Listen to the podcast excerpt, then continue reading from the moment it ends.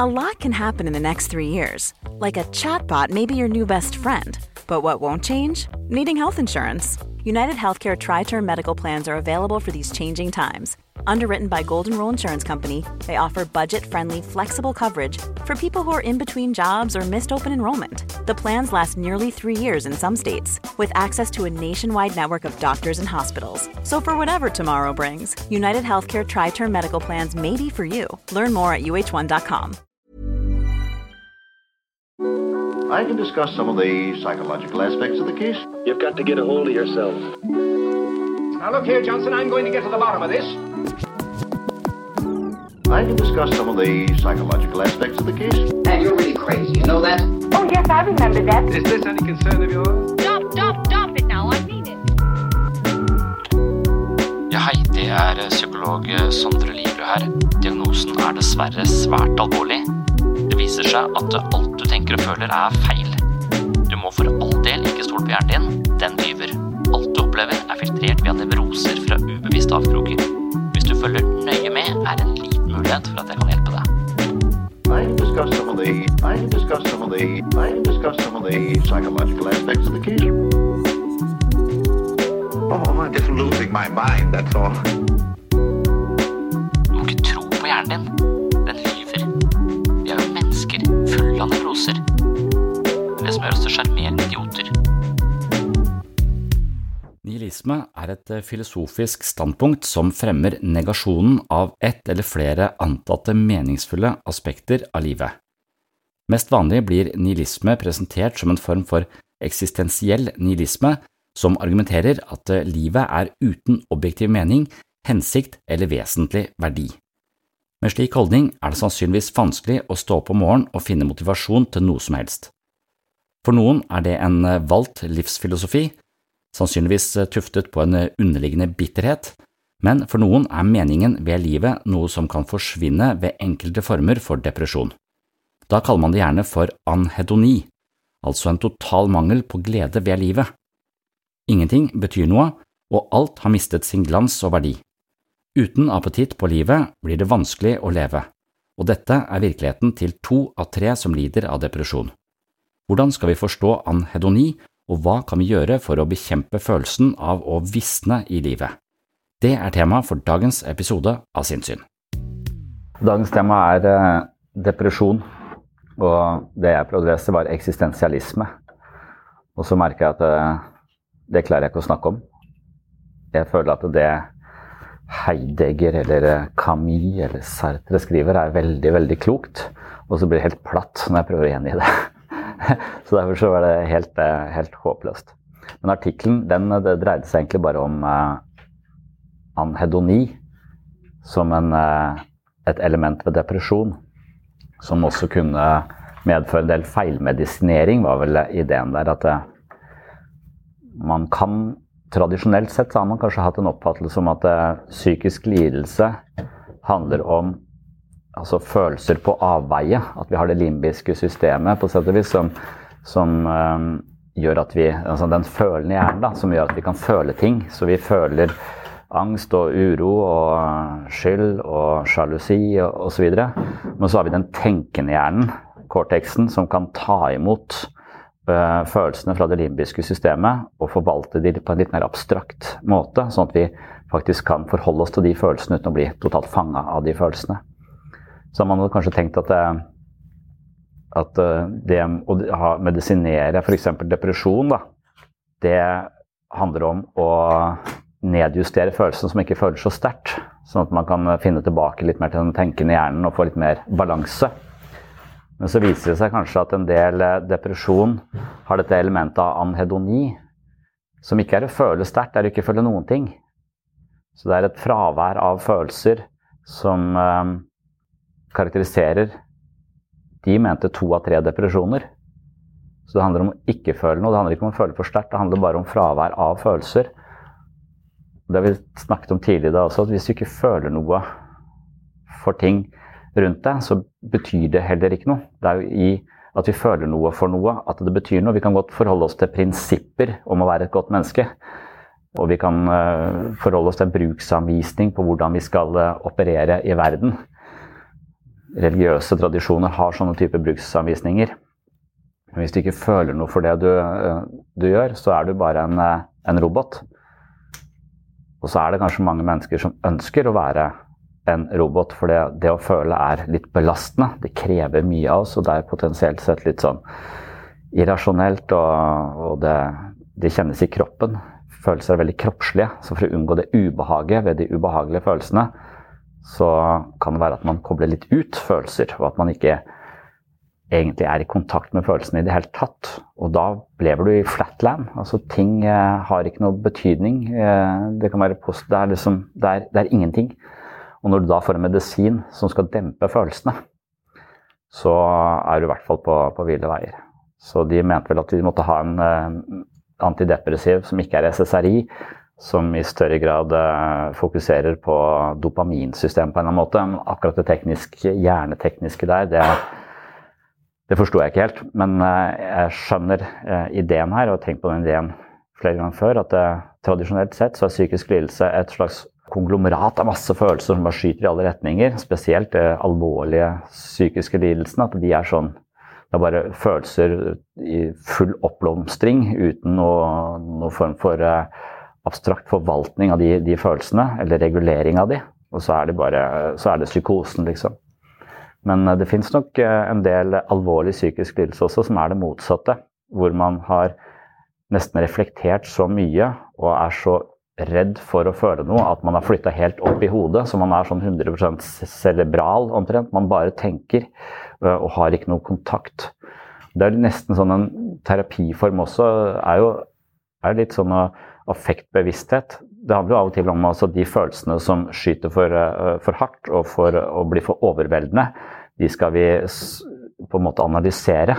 Og idet jeg analyserer følelsen min, så er jeg ikke lenger følelsen min. Jeg har uh, fordobla meg. Jeg, jeg, er i en posisjon hvor jeg ser meg selv føle. Og så begynner jeg å beskrive følelsen. Hvor stor er den? Hvor sitter den i kroppen? Hvilken farge har den? Altså, du kan stille absurde spørsmål til følelsen, bare for at da er ikke følelsen deg lenger. Du gjør den til noe ikke deg. Uh, og da har den ikke like sterk innvirkning på deg. Men så er det et forsvar, da, intellektualisering, hvor det er liksom hele greia. Du bare intellektualiserer alt. Alt blir en tanke, ingenting. Det er ikke noe igjen av, en, eh, av følelsen. Og da bor du plutselig i en ganske meningsløs verden hvor eh, det kalles depresjon, men det er da denne anhedoni, som er å ikke, ikke føle noe mening i ting i det hele tatt. Det kan man gjøre med gode følelser også. Hvis man har det veldig bra, hvis man har det veldig gøy, og man stopper opp og tenker etter hvor gøy har jeg det, og begynner å måle det på en skala f.eks.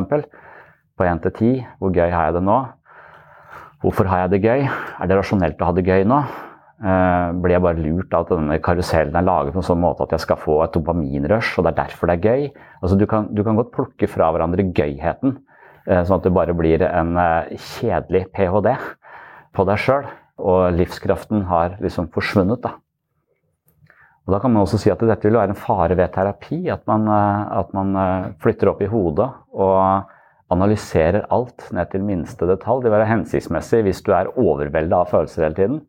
Men hvis du bor i hodet og kun analyserer, og ikke har noe livspuls igjen, så vil mer analyse sannsynligvis gjøre vondt verre. Akkurat som medisiner som demper følelser når du ikke har noen vil gjøre vondt uh, verre.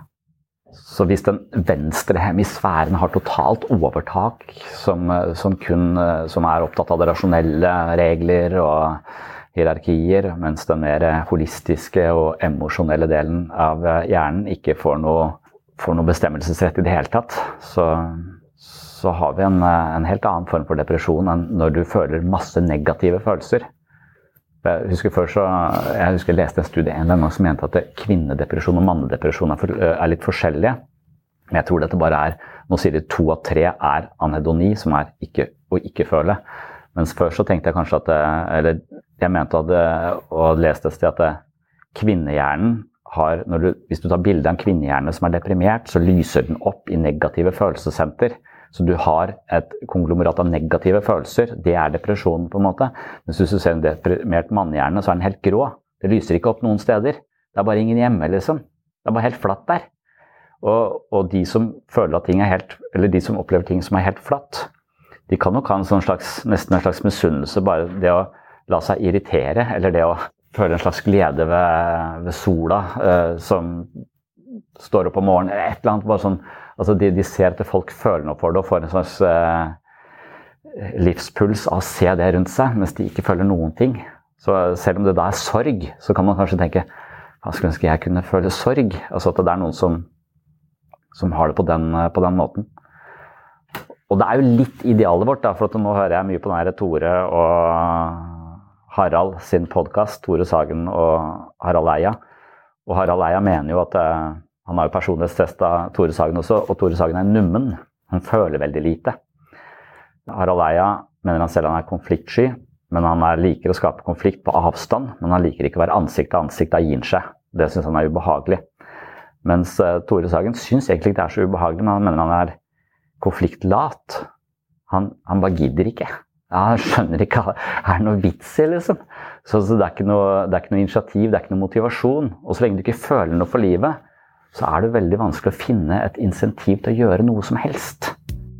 Anhedoni vil være større avstand til det limbiske systemet enn det vil være ved andre typer depresjoner, tror jeg. Så jeg tror depresjon er en samlebetegnelse på veldig mange ulike forhold som fører til det samme symptomet, på sett og vis. En slags manglende appetitt på livet, da.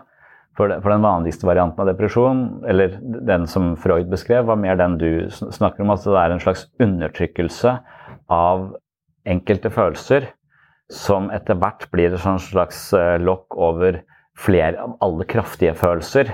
Så man faker, man, eh, man gir ut noe som, som, ikke klinger i takt med sitt indre, fordi man tenker at mitt indre, mitt følelsesliv er på en eller annen måte forbudt, eller det er ikke plass til det, eller det vil ikke bli anerkjent. Så du undertrykker følelser, og når du undertrykker følelser uh, over lang tid, så, uh, og spesielt de aggressive følelsene, spesielt de litt sosialt uakseptable følelsene, så er det en voldsom livskraft i det. Det er jo irritasjonen som får deg til å eh, ville forandre det politiske systemet og gå i tog, liksom. Og bare yes, skal på barrikadene. Du, du trenger en voldsom det er, en, det er, en, voldsom drivkraft i det. Og når du undertrykker de aggressive følelsene, så vil du få både angst og depresjon, er jo ideen til Freud. Fordi du får depresjon fordi du kveler livskraften. Altså det er litt det han snakker om kastraksjonsangst. Det er jo liksom å bli satt på plass, bli parkert. Enten det er entusiasme eller sinne eller hva det er, så vil barn bli sanksjonert, parkert. Det er å bli kastrert å bli impotent, på sett og vis. Du, du får ikke den, du, den livskraften eh, ebber ut. Men samtidig så vil den typen også føre til en blad... Da får du angst og depresjon i, i samme For det du også blir redd for ditt eget indre følelsesliv på sett og vis. Så du må flykte fra deg selv. Og når du ikke har tatt hensyn til de følelsene over så lang tid, så er det litt sånn som Du kjenner ikke hva de er engang. Du blir som spøkelser i deg selv. Da. Så du, du, du, blir redd for ditt eget indre liv.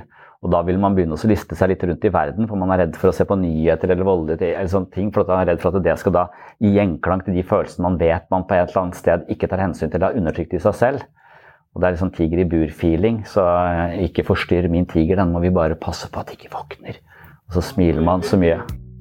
Men jeg tror du peker på en, eh, på en balanse i terapi som bør være der. For jeg tror ikke eh, analysen er helt uhensiktsmessig heller. For jeg tror det er nettopp koblingen mellom den tenkende og den følende hjernen. Altså de, de jobber på lag.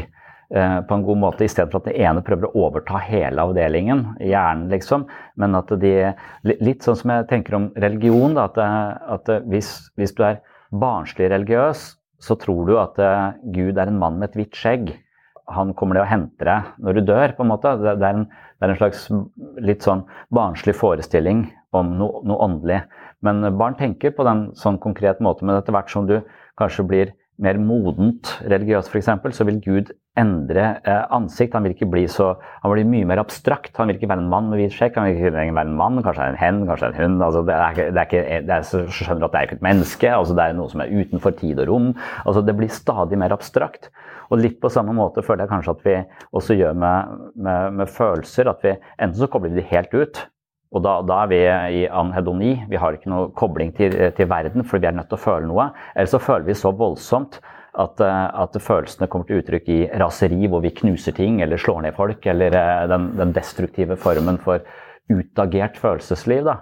Men hvis vi klarer å koble disse to tingene sammen, så kan vi forholde oss nettopp til de følelsene som dukker opp av sjalusi og skam og sånn, på en, på en litt mer abstrakt måte. Sånn at vi kan ikke unngå de fullstendig, men vi trenger ikke å utagere de så vi ødelegger relasjonene våre. Vi kan ha de i oss, de kan bo i oss. Vi tåler følelsene uten at de får eh, overtak på oss. Jeg tror nok at du kan komme inn i anhedoni via undertrykkelse også, ved at du er så redd for å overmannes av følelser og miste kontrollen. Og den frykten er så stor at du har totalt blokkert tilgangen til uh, høyre hjernehalvdel. Så, så du, du, er, du, har lobotomert deg sjøl, nærmest.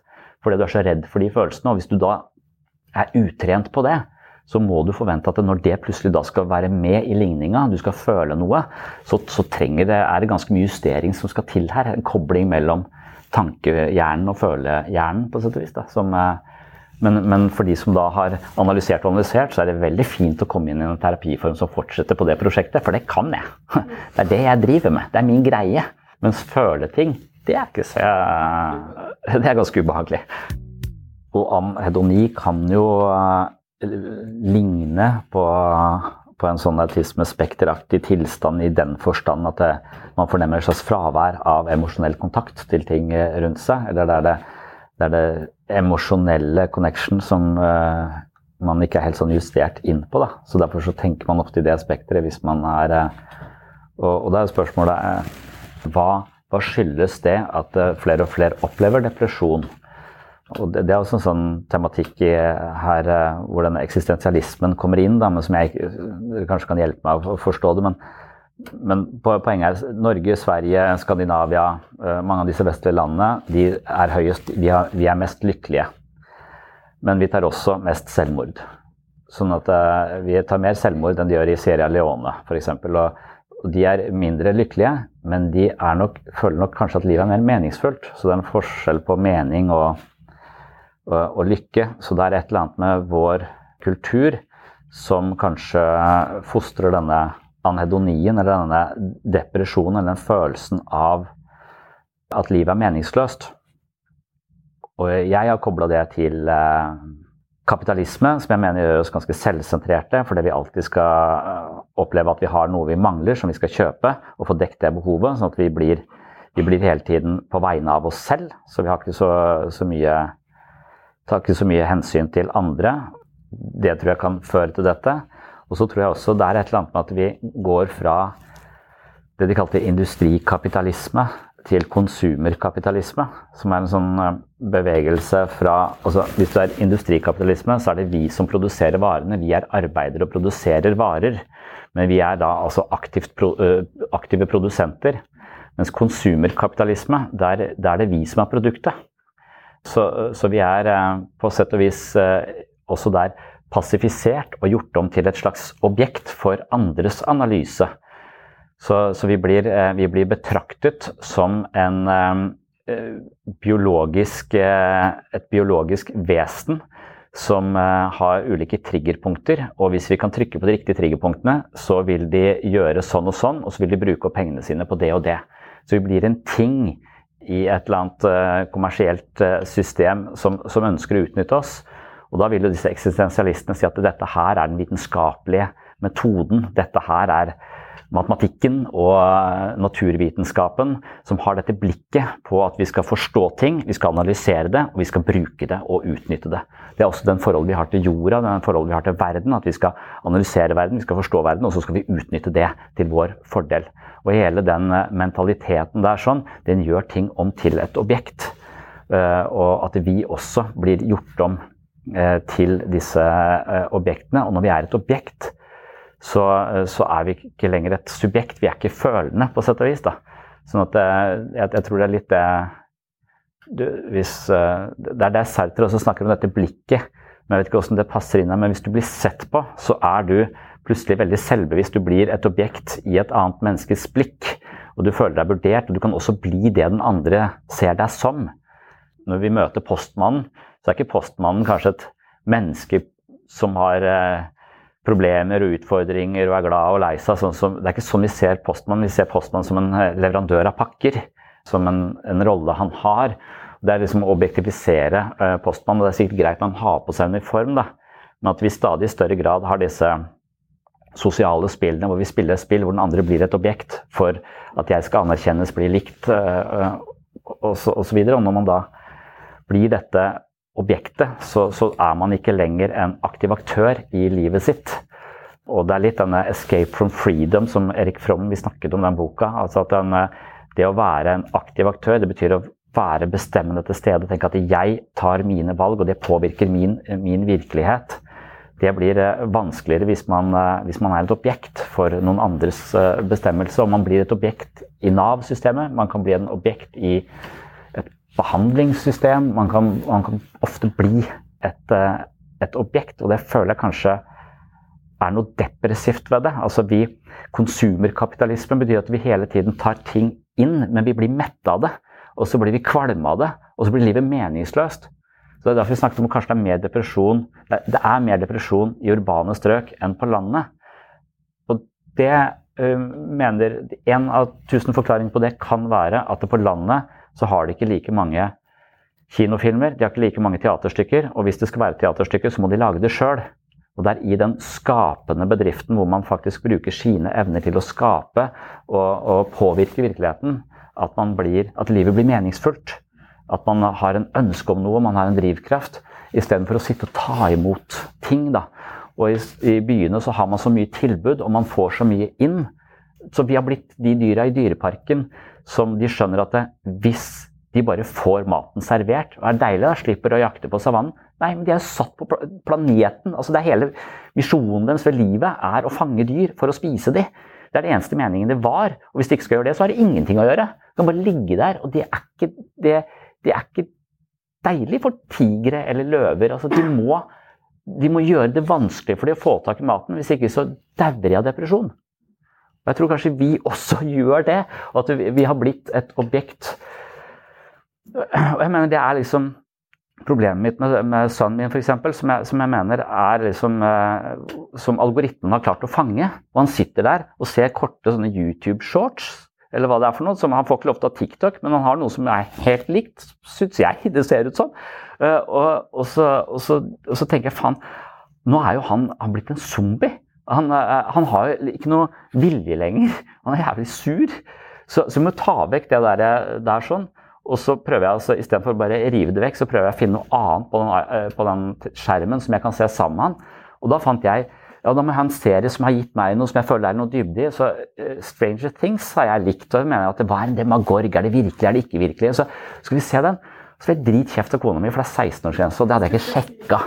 Han er 10 år, men det er 16 år, men, men da blir han jo redd på natta. Ja ja, men han blir jo dum nå.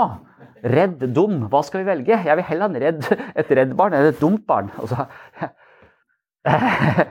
men, eh, men, jeg føler at det, der har jeg noe å bidra med. Jeg kan aktivt med han skape mening i dette. For det er ikke åpenbart hva Stranger Things handler om. Det er ikke åpenbart hva en demagorg er. Det er mange lag her. Uh, som jeg føler vi kan initiere en eller annen form for vi kan, vi kan oppleve dette. Det er derfor kunstnere ikke sier hva kunsten betyr.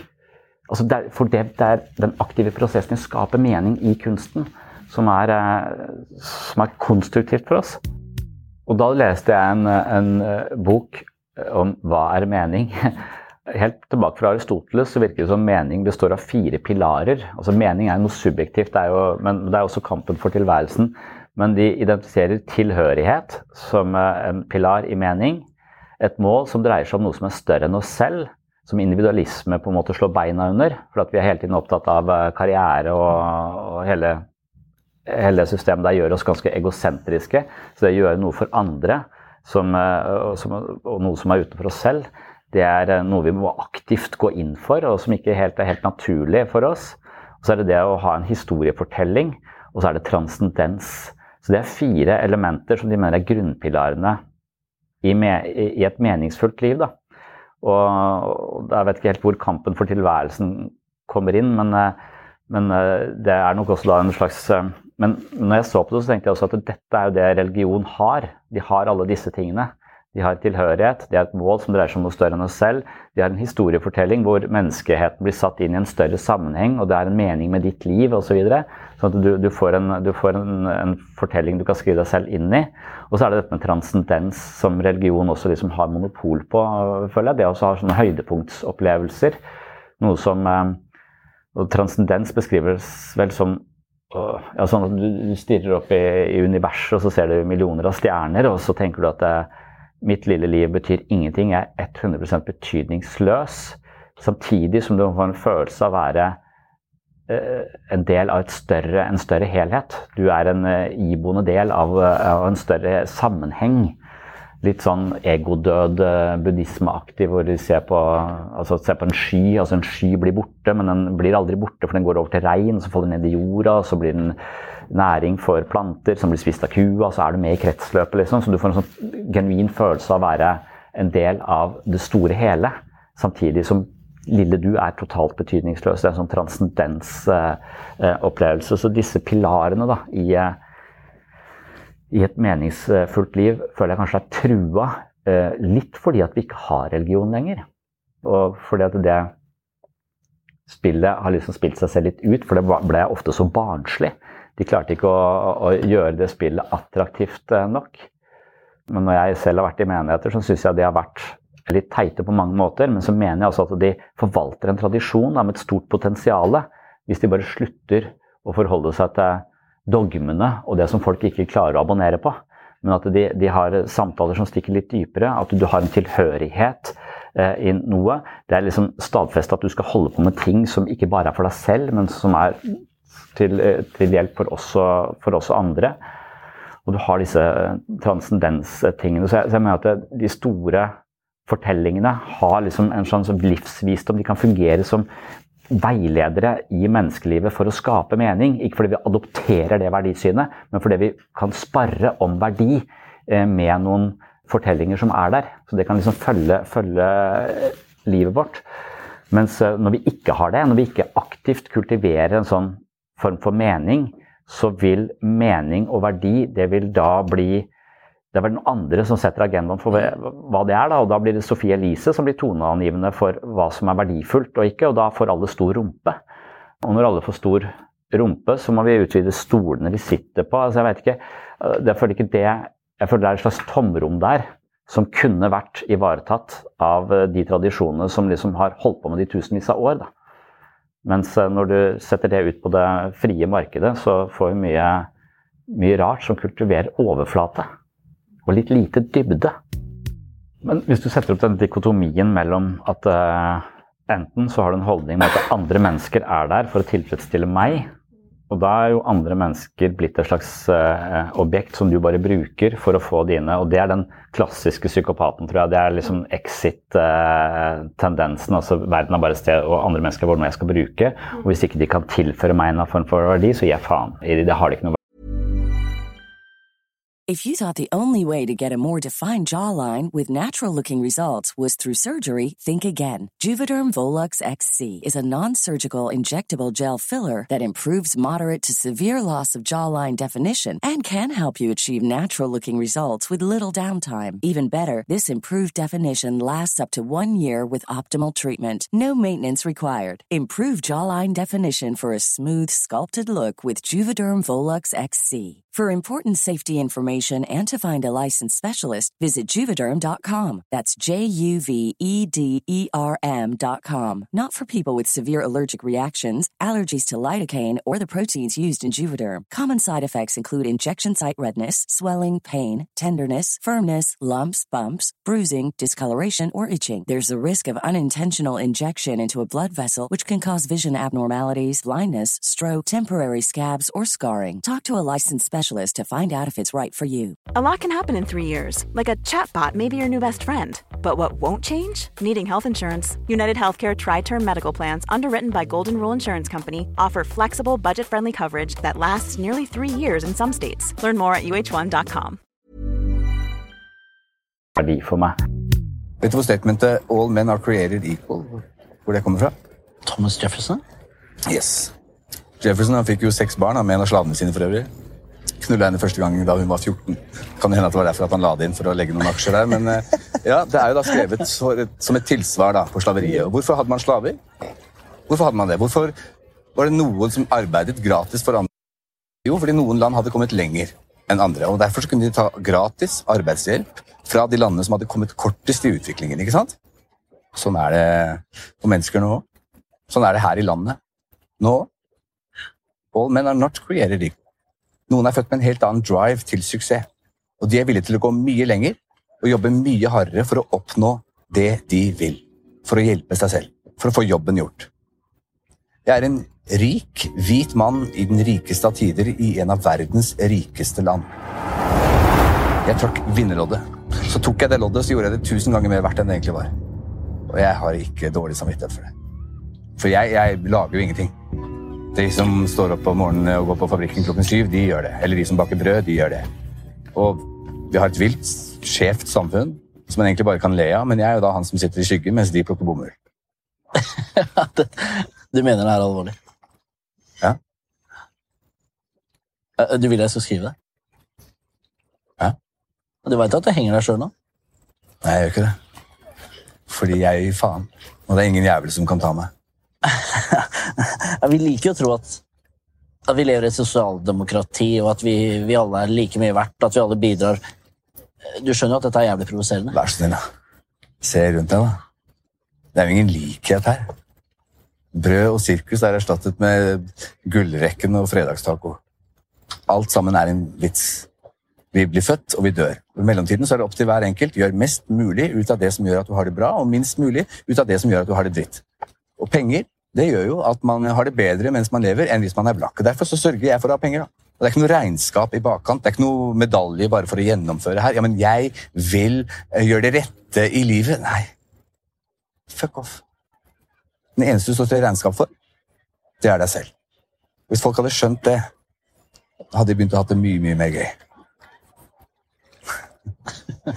Mens det motsatte er, eh, som du sier, er liksom å og det eneste du er opptatt av, er hvordan du kan tilfredsstille andre menneskers eh, behov. Hvordan du kan være, tjene dem på en eller annen måte. Du blir totalt eh, selvutslettende, men som kanskje også er et slags litt sånn egosentrisk prosjekt hvor du tenker jeg må tilkjempe meg deres gunst for å ha verdi som menneske. Så det er fortsatt, eh, fortsatt et det er, Problemet blir at det blir et subjekt og et objekt. Og så, eller, jeg vet ikke om det går an å se det inn i det, det Sartre snakker om, det blikket. For han er ganske sånn dyster på å si at mennesker kan aldri egentlig møtes. For hver gang jeg opplever et annet menneske, så blir det mennesket et objekt for mitt blikk. Og hver gang det mennesket da begynner å snakke og overta subjektposisjonen, så blir jeg en, et objekt for deres blikk. Så to subjekter møtes aldri helt.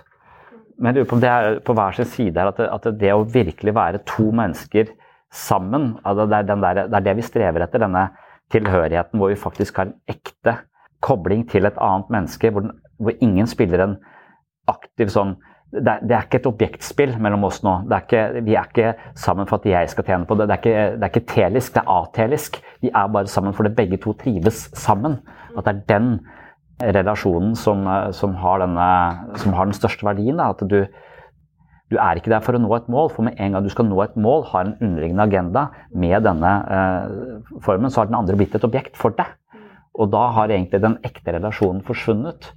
Og da har du blitt ganske ensom, selv om du er sammen med, med, med folk. Og da føles den tilhørigheten blir svak, og meningen med livet blir hele tiden bare å tilkjempe seg ting. Og da, det er da jeg tror vi blir jævlig rike. Vi tilkjemper oss masse gods og gull, og så våkner vi om morgenen og tenker at livet er ikke verdt å leve. Og du har alt du kan drømme om. Og da lurer jeg på om har begått denne, denne Eller gått i den fella hvor livet, den vestlige måten å leve på, tilbyr folk objektspill. Hele tiden teliske aktiviteter om å nå et bestemt mål, nå en gevinst for seg selv. Og så vil mye religion være et slags motsvar til det. Nei, det er ikke det beste livet har å by på. Altså er, de, har et annet, et annet budskap der som jeg tror er viktig. Men slutt å være opptatt av hva folk gjør i senga si. altså, det der homofili eller alle dogmene som, som forstyrrer at det, det, spillet blir helt sånn ah, Det spillet spilles på en barnslig måte. Er, eh, jeg mener at en god prest vil innse at det, når jeg møter unge mennesker, så trenger de å tro på en mann med et hvitt eh, skjegg. For at de er amatører på følelser. Mennesker som er amatører på å ta imot følelsene sine, de begynner å kutte seg i armen f.eks. De, de må lære seg å forholde seg til følelser på en mer abstrakt måte. Sånn at de ikke kutter seg i armen. Det er en problematikk man har i psykisk hel helsevern. Må klare å, og Det samme må vi klare å forholde oss til et eller annet åndelig. Det, ikke, det kan være en mann med hvit sjekk når du er et barn, som eh, barn tro på mange ting. og så Etter hvert så blir, blir eh, demagorgen et symbol på noe annet. Det er ikke en faktisk sånn eh, semiromvesen som har dukket opp fra en annen dimensjon. Det er et, et symbol på frykten for å bli voksen, f.eks., som utspiller seg i denne serien. Og at vi kan forholde oss stadig mer abstrakt til de store visdomstradisjonene, sånn at de, de hjelper oss å vokse og slutte å selvskade. Men eh, da må de slutte å si at eh, det er sant at Jesus sto opp fra de døde. Altså, ja, men Det er ikke fysisk mulig, sier en moderne eh, person da. Men la oss si det er et symbol på at mennesker eh, går til grunne, selv om de har de beste intensjoner. Men likevel så skjer det faenskap. Og hvis vi klarer å, å, å, leve gjennom det og finne en ny livsorientering, så vil vi kunne stå opp fra depresjonen og gå videre på en måte det er en mulighet for mennesker å gå totalt til grunne. Alt ser mørkt ut, du blir svikta som, faen, men, men, det er likevel det er en slags fortelling om det å gjenfødes etter en krise, f.eks. Å finne ny, nye perspektiver og en større referanseramme når du har vært helt på kanten av, av livet. Det er det, det er det, historien handler om. Slags, den historien er ikke sann empirisk forstand, men den er mer sann enn noe annet som kan skje i verden. For dette her, er, dette her er mer univers, universelt om det å være menneske. Så jeg, jeg tror det å skape mening og tilhørighet og mål som dreier seg om noe større enn oss selv altså jeg, tror, jeg tror mennesket er et vesen som trenger mytologi, og vi trenger å forholde oss til eh, disse fortellingene. Å, men de må brukes som verktøy for vekst. Men så brukes de ofte som undertrykkelse av mennesker. Eller for at mennesket blir et, eh, en eller annen prest skal utnytte menigheten for å kontrollere menigheten. Altså det kommer disse maktbehovene inn der, hvor vi, hvor vi ikke blir et uh, subjekt som kan vokse, men vi blir et objekt for prestens uh, uh, maktbehov, på sett og vis, eller presteskapet, som har holdt dette her nede i, i tusenvis av, av år. Så, så, så, den der fellesskapsfølelsen, den der godhetsfølelsen sånn som også ligger innbakt i religion, som jeg mener vi er nødt til å ta vare på Men jeg skulle ønske det ikke handlet, vi trengte å abonnere på alle de rare ideene. Men, men, eh, så er det et eller annet hvert fall, Vi må finne en eller annen variant av motkultur her som ikke gjør oss til disse mette folka som ikke finner mening i livet. For det, når du spurte amerikanere i eh, To millioner amerikanere i 1985, eh, og du spurte har du hatt noen dype samtaler i løpet av det siste halve året, så svarte gjennomsnittet at de har tatt tre dype og betydningsfulle samtaler med andre mennesker i løpet av det siste halve året. Når du spurte det samme spørsmålet i 2004, så uh, var svaret ned mot null. Så det er et eller annet med at uh, det er og Det kan jo ha mange årsaker, men det, det virker som om individualisme og, og denne litt sånn krakeleringa i denne fellesskapsfølelsen har noen uh, ganske dramatiske konsekvenser. Og Det er derfor jeg tror eksistensialistene også er litt sånn ute etter religion og litt sånn antireligiøse, og spesielt Nietzsche og sånn har liksom vært i altså, Egentlig ikke så veldig. Han mener jo at vi trenger dette her, eh, men, men han mener at eh, Eller kanskje ikke Nietzsche, men, men det å spille et spill, det å abonnere på en ferdig pakkeløsning på måter å tenke og være på, det undergraver nettopp den autentisiteten. Så, så, alle eksistensialister eh, fronter en form for autentisitet. Du må våge å, å, å, være deg selv. Mens eh, i en sånn eh, massekultur så blir vi vi blir bare kultur, vi blir bare en kopi eh, av noe annet. Litt sånn eksempel, hvis du, hvis du, plutselig så sitter du et eller annet sted, så begynner alle å klappe, og så klapper du også. Du vet ikke helt hvorfor du klapper, men bare gjør det fordi alle andre gjør det. Og Det er kanskje bare et bitte lite bilde på hvordan vi egentlig bare adopterer eh, måter å være på som ikke er nødvendigvis er forankra i oss, men som vi bare imiterer. Så vi blir litt sånn Vi blir overfladiske, da. Og, og igjen så tror jeg livet blir meningsløst eh, da. Så det å våge å være subjektet, våge å være ja, tenke selv, lære seg å tenke selv og våge å være, være seg selv. Og ikke eh, tenke at jeg, mitt mål i livet det er å være sånn som andre vil at jeg skal være. Det er maskeproblematikken. Altså, det viktigste for meg er at, andre, at jeg er sånn som jeg mener andre skal være. og Så går man rundt og så skaper man seg ideer om hvordan det skal være, og så, og så føler man at livet er et skuespill. Og da, da er det jo for det første så, så, er det misforstått, og det er så rart at den misforståelsen eh, består. Fordi det er ingen som opplever nærhet til mennesker som prøver å være noe annet enn det de er. Det, for på et eller annet sted, selv om vi ikke kan pinpointe det, så kjenner vi det i magen at det ikke er ekte. Vi kjenner det et eller annet sted, og vi kjenner også autentisitet hos andre mennesker. Vi kjenner at, det, at de er seg selv, og uansett hva de da viser, så vil vi ofte være trygge på det og respektere det. De holder ikke ting skjult, og de menneskene som ikke holder ting skjult, de har heller ikke så mye å skjule. For jeg tror det folk er redd for, skal komme fram, det er det de har undersøkt i lang tid, som har vært inne på kottet, så de har glemt egentlig hvordan det ser ut. Og de, så vidt de kan huske, så er det helt forferdelig. Så det må ingen se. Men de som slipper det ut underveis, de er ikke så redd for det, og det er heller ikke så stygt lenger. Så jo mer du undertrykker ting, jo mer pervertert blir det, på sett og vis. Så da har du også større grunn til å prøve å holde det skjult. Så, så jo mer du holder ting skjult, jo verre blir det du skjuler også. Så det er vel den uh, kritikken jeg vil ha av religion også, at det, så lenge det ligger noen uh, klare føringer for hvor man skal og ikke skal være, så ligger det opp til en type maskeproblematikk i selve statuttene hvor, eh, hvor, de sier at de aksepterer alt, er rause og åpne for alt, men likevel så ligger noen, noen, noen, regler der som de likevel forholder seg til. Og hvis du bryter de, så sanksjoneres det på en stilltiende måte, men i sånn Jesus-ånd. Så det blir ikke liksom Du blir ikke piska sånn som Jesus ble, men du blir bare sånn stilltiende sett litt rart på, uh, på sett og vis. Og du føler en følelse av uten, utenforskap. Så lenge man har helt klare, klare moralske regler, som ikke er eh, gjenstand for diskusjon, så blir det et fast system som du bare må abonnere på. Hvis du passer inn det, så blir det sikkert helt greit. Men det, men det burde være potensialet der til å, til å, vokse og hele tiden utfordre dette og, og våge å være seg, være seg selv.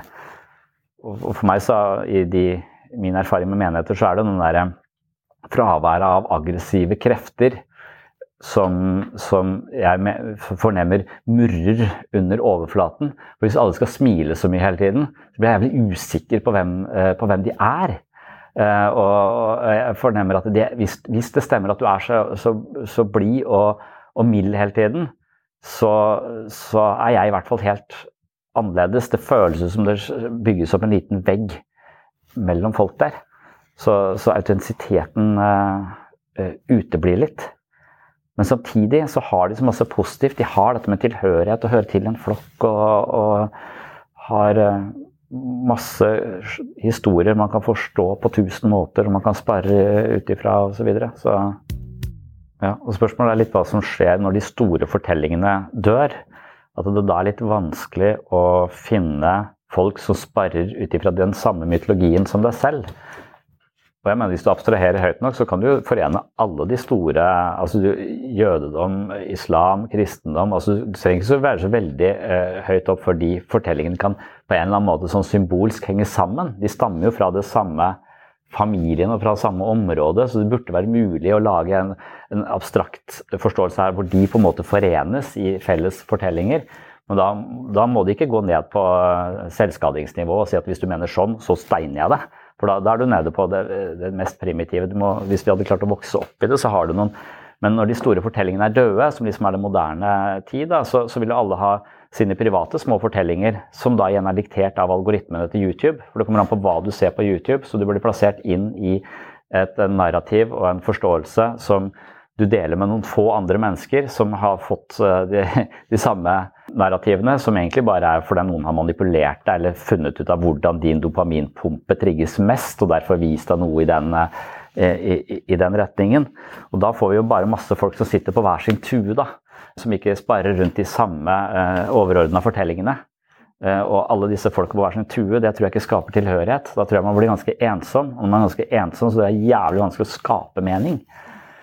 Så da må du jo kanskje begynne på nytt. Da. En filmklubb vil skape mening i, eh, i, i, i, de filmene de ser. Og det er kanskje en sånn, sånn arena hvor man går litt dypere, hvor man prøver å, å, å, se på de universelle ideene som dukker opp i denne filmen, og hvordan det kan eh, kanskje vise meg en ny vei i mitt eget liv. på en måte, Eller eh, det, disse valgene som disse karakterene måtte ta, disse dilemmaene, de står jeg også overfor. Og her vises det flere ulike måter å løse det på. altså at Det er noe som vi kan kan bruke. Og der mener jeg de store visdomstradisjonene har disse fortellingene. Eh, og de har, eh, drevet, de har litt sånn monopol på det, patent på det. Og så er de så lite sexy, så det er ingen som gidder å, å være med på det lenger. Og da blir det algoritmene til Netflix da, som, eh, som dikterer litt av de de fortellingene vi får. Og da forvitrer vel kanskje samholdet. Men hvor sant er det der med, med altså, Når jeg har mobiltelefonen i lomma, det har jeg ikke på jobb. Men jeg, eh, jeg var redd for uh, iPaden, og, og, og, sønnen min sa at vi er nødt til å finne noe annet å spille basket bare én gang i uka. Vi må ha en annen, er en, en type annen sport vi kan gjøre, som jeg kan bli med på. Og så jeg selv, for, for min del så kan jeg prøve tennis. Det kan jeg godt uh, være med å, og spille. Er du interessert i tennis? Så han nei, det var han ikke interessert i. Ok. Og så slutta den samtalen. Og nå er telefonen min full av tennisvideoer. Altså, er det Og det har jeg, jeg har aldri hatt tennisvideoer i feeden min før. Men det har jeg nå. Du trenger ikke være veldig paranoid for å, for å tenke at her er noe som hører etter på samtalen. Men kanskje må vi, må vi være uh, objekter også, for, for å si en, en ting er kanskje også at det, det fins Det depressive ved anhedoni er vel et slags fravær av følelser, så da har du ikke helt tilgang til et sånn emosjonell måte å relatere deg til verden, verden på. Så du må finne tilbake til eh, det følelsesmessige. Og så er det noen som er overvelda av følelser, så, så tenker hjernen kobla helt ut, og de uh, tar uh, impulsive valg og kjøper for mye eller uh, sier ting de ikke mener osv. Så, videre. så det er en problematikk på den, på den siden. Så det er hele tiden denne det å være i pakt med seg selv og livet, samtidig som du da kan begynne å, å spisse litt ut for å se hvordan denne mer eller mindre eh, emosjonelle autopiloten din da, navigerer deg rundt i, i, i, verden. Det er litt sånn jeg ser på, ser på terapi generelt, at, det, at vi må gruppeterapi også, sånn at vi skal unngå i bare være analytisk modus, så må vi føle noe. Vi må kjenne til hva føler jeg akkurat nå i denne situasjonen. Men så kan du også space litt ut og gjøre den situasjonen om til et objekt. Og det er det som er terapi. er det ikke det også være i situasjonen, og så analysere situasjonen, beskrive den og se den utenfra. For da kan det være at du ser noe mer ved den situasjonen. Og det er litt sånn, Jeg har snakket om mange ganger at jeg mener selvutvikling handler om at det subjektet på et nivå blir et objekt for et subjekt på et høyere nivå. Så, så det er egentlig selvrefleksjonen er jo å gjøre seg selv om til et objekt. da og, eh, og, se seg selv i et større lys. Så istedenfor å bare være seg selv og handle på autopilot, eh, så går vi ut og så, så gjør vi det egentlig det eksistensialistene vil at vi skal gjøre. Vi, vi, vi undersøker eh, hva slags valg vi tar, hvorfor vi tar de valgene, om de valgene er influert av eh, en masse kultur, om vi har blitt en nikkedukke for eh, kapitalismen. Altså alle disse tingene som påvirker oss, de kan vi se, og når vi kan se de, så, så vil de være en del av vår, eh, vårt nye ståsted. Da. Så nå har jeg et ståsted med litt større oversikt. Nå vet jeg litt mer om meg selv. Og når du har havna i et nytt subjekt som er på et litt høyere nivå, så må du gjøre det samme en gang til.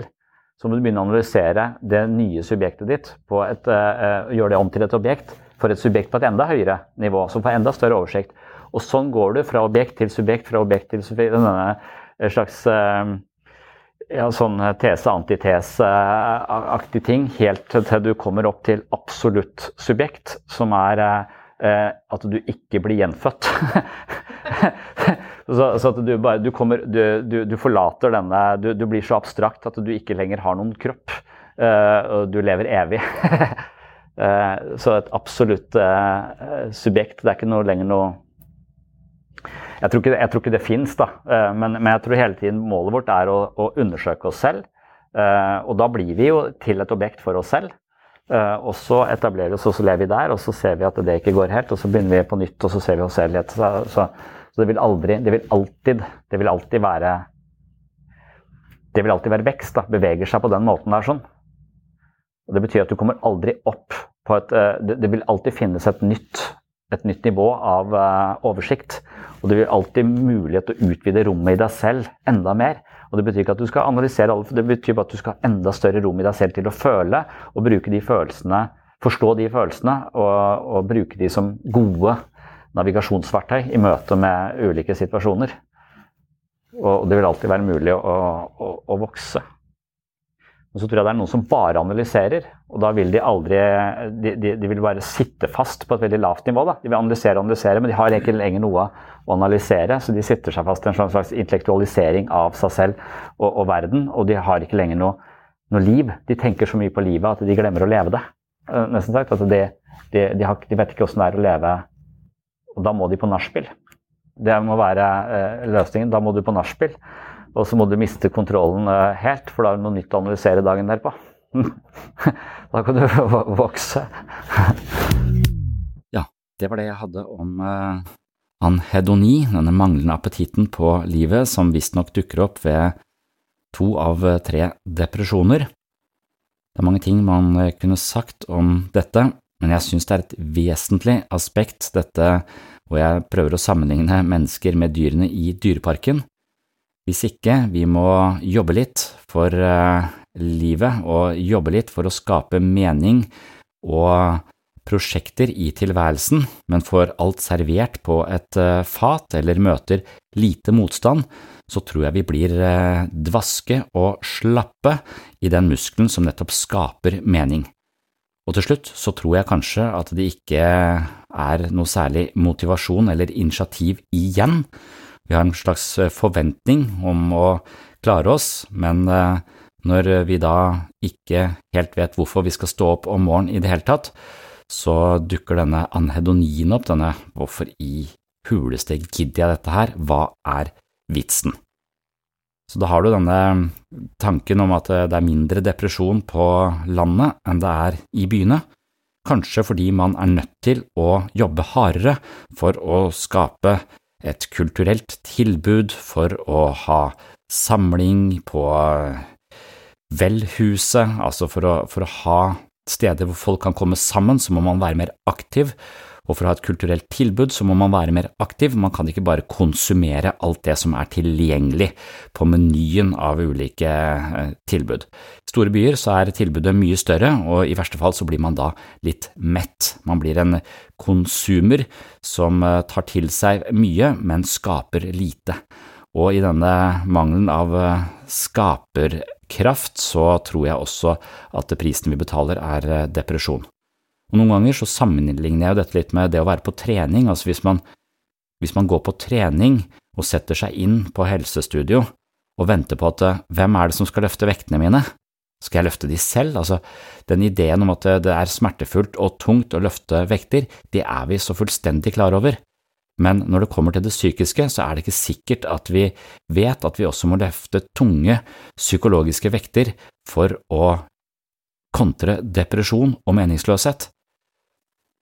Og da dukker jo igjen spørsmålet opp, hvordan jobber vi psykologisk, hvordan løfter vi tyngre psykologiske vekter? Og det er litt det samme som fysisk helse igjen, altså. Det, du kan uh, lage en god middag på sunne råvarer, eller du kan uh, stikke innom uh, den lokale snadderkiosken og kjøpe en eller annen form for junkfood. Litt på samme måte tror jeg det er med, med, psykologi, altså du kan sette deg ned i sofaen og se en hjernedød film på Netflix, eller du kan scrolle på telefonen din og få åtte sekunder med en eller annen eh, rar dans eh, foretatt av et eller annet eh, ukjent menneske. Eller du kan sette deg ned i sofaen og sette på en film av Stanley Kubrick, som har laget filmen for at den skal være nærmest umulig å forstå ved første øyekast. Du er nødt til å legge enormt mye energi inn i å forstå dybden i det som foregår på skjermen. Og her tror jeg du har forskjellen mellom, eh, hva skal man si, junkfood på TV og, og mer eh, sunn, eh, sunt innhold. Så det å se filmer som krever litt av oss, for eksempel, det kan være en måte å, å skape mening på. For nå, nå så jeg akkurat uh, eh, 2001 av Space Odyssey av Stanley Kubrick, det var i hvert fall nevnte, nevnte han. Og så leste jeg litt om filmen, for den er jo, jeg husker jeg så den da jeg var yngre, da syntes jeg den var ganske kjedelig, den gikk veldig treigt. Men uh, jeg så den igjen nå, så tror jeg kanskje jeg har litt mer tålmodighet, og jeg så den på en litt annen måte. Og så viste det seg at når han filmet denne filmen, så for hvert 200, altså han tok 200 ulike utdrag, eller takes som man kaller det, og til sammen så skal jo alle disse takesa bli én scene. Men han tar vekk 199 og lar kun én stå igjen, altså det er bare ett lite glimt fra hver av disse scenene som egentlig er mye lengre, så alt det som eh, av detaljer som egentlig er i filmen, de har blitt fjerna, sånn at vi får bare små glimt, og det betyr at det krever veldig mye mer av oss som ser på. Vi får bare små inntrykk, og alt det som skal være rundt det inntrykket, det må vi legge til selv. Derfor er det en film som krever mye av oss, vi må skape den sammenhengen som Kubrick har tatt vekk, og i den skaperprosessen så oppstår det nye ting.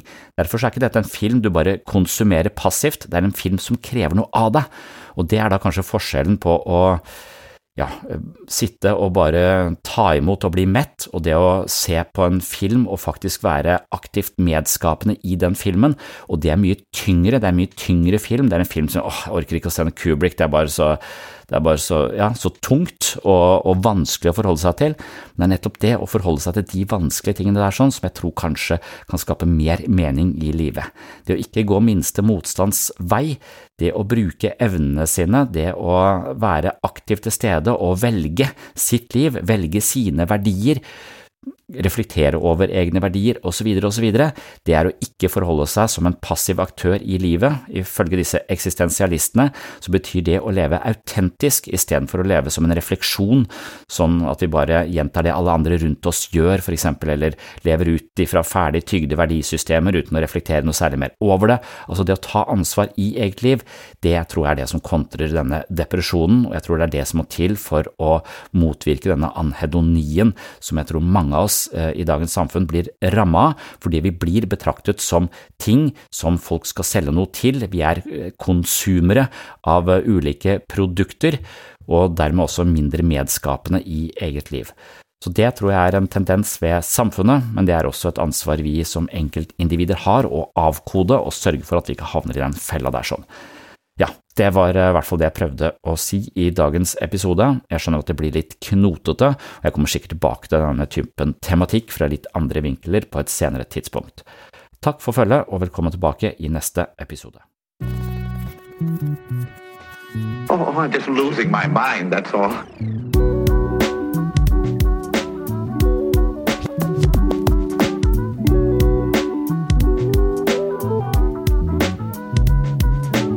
I can discuss some of the I can discuss some of the I can discuss some of the psychological aspects of the case. Psycho, psycho, psychological aspects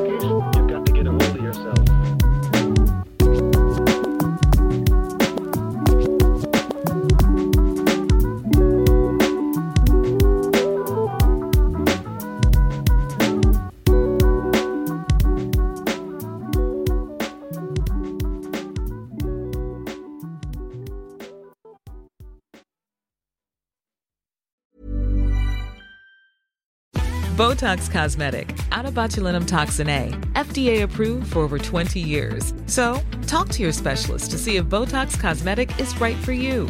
For full prescribing information, including boxed warning, visit BotoxCosmetic.com or call 877-351-0300. Remember to ask for Botox Cosmetic by name. To see for yourself and learn more, visit BotoxCosmetic.com. That's BotoxCosmetic.com.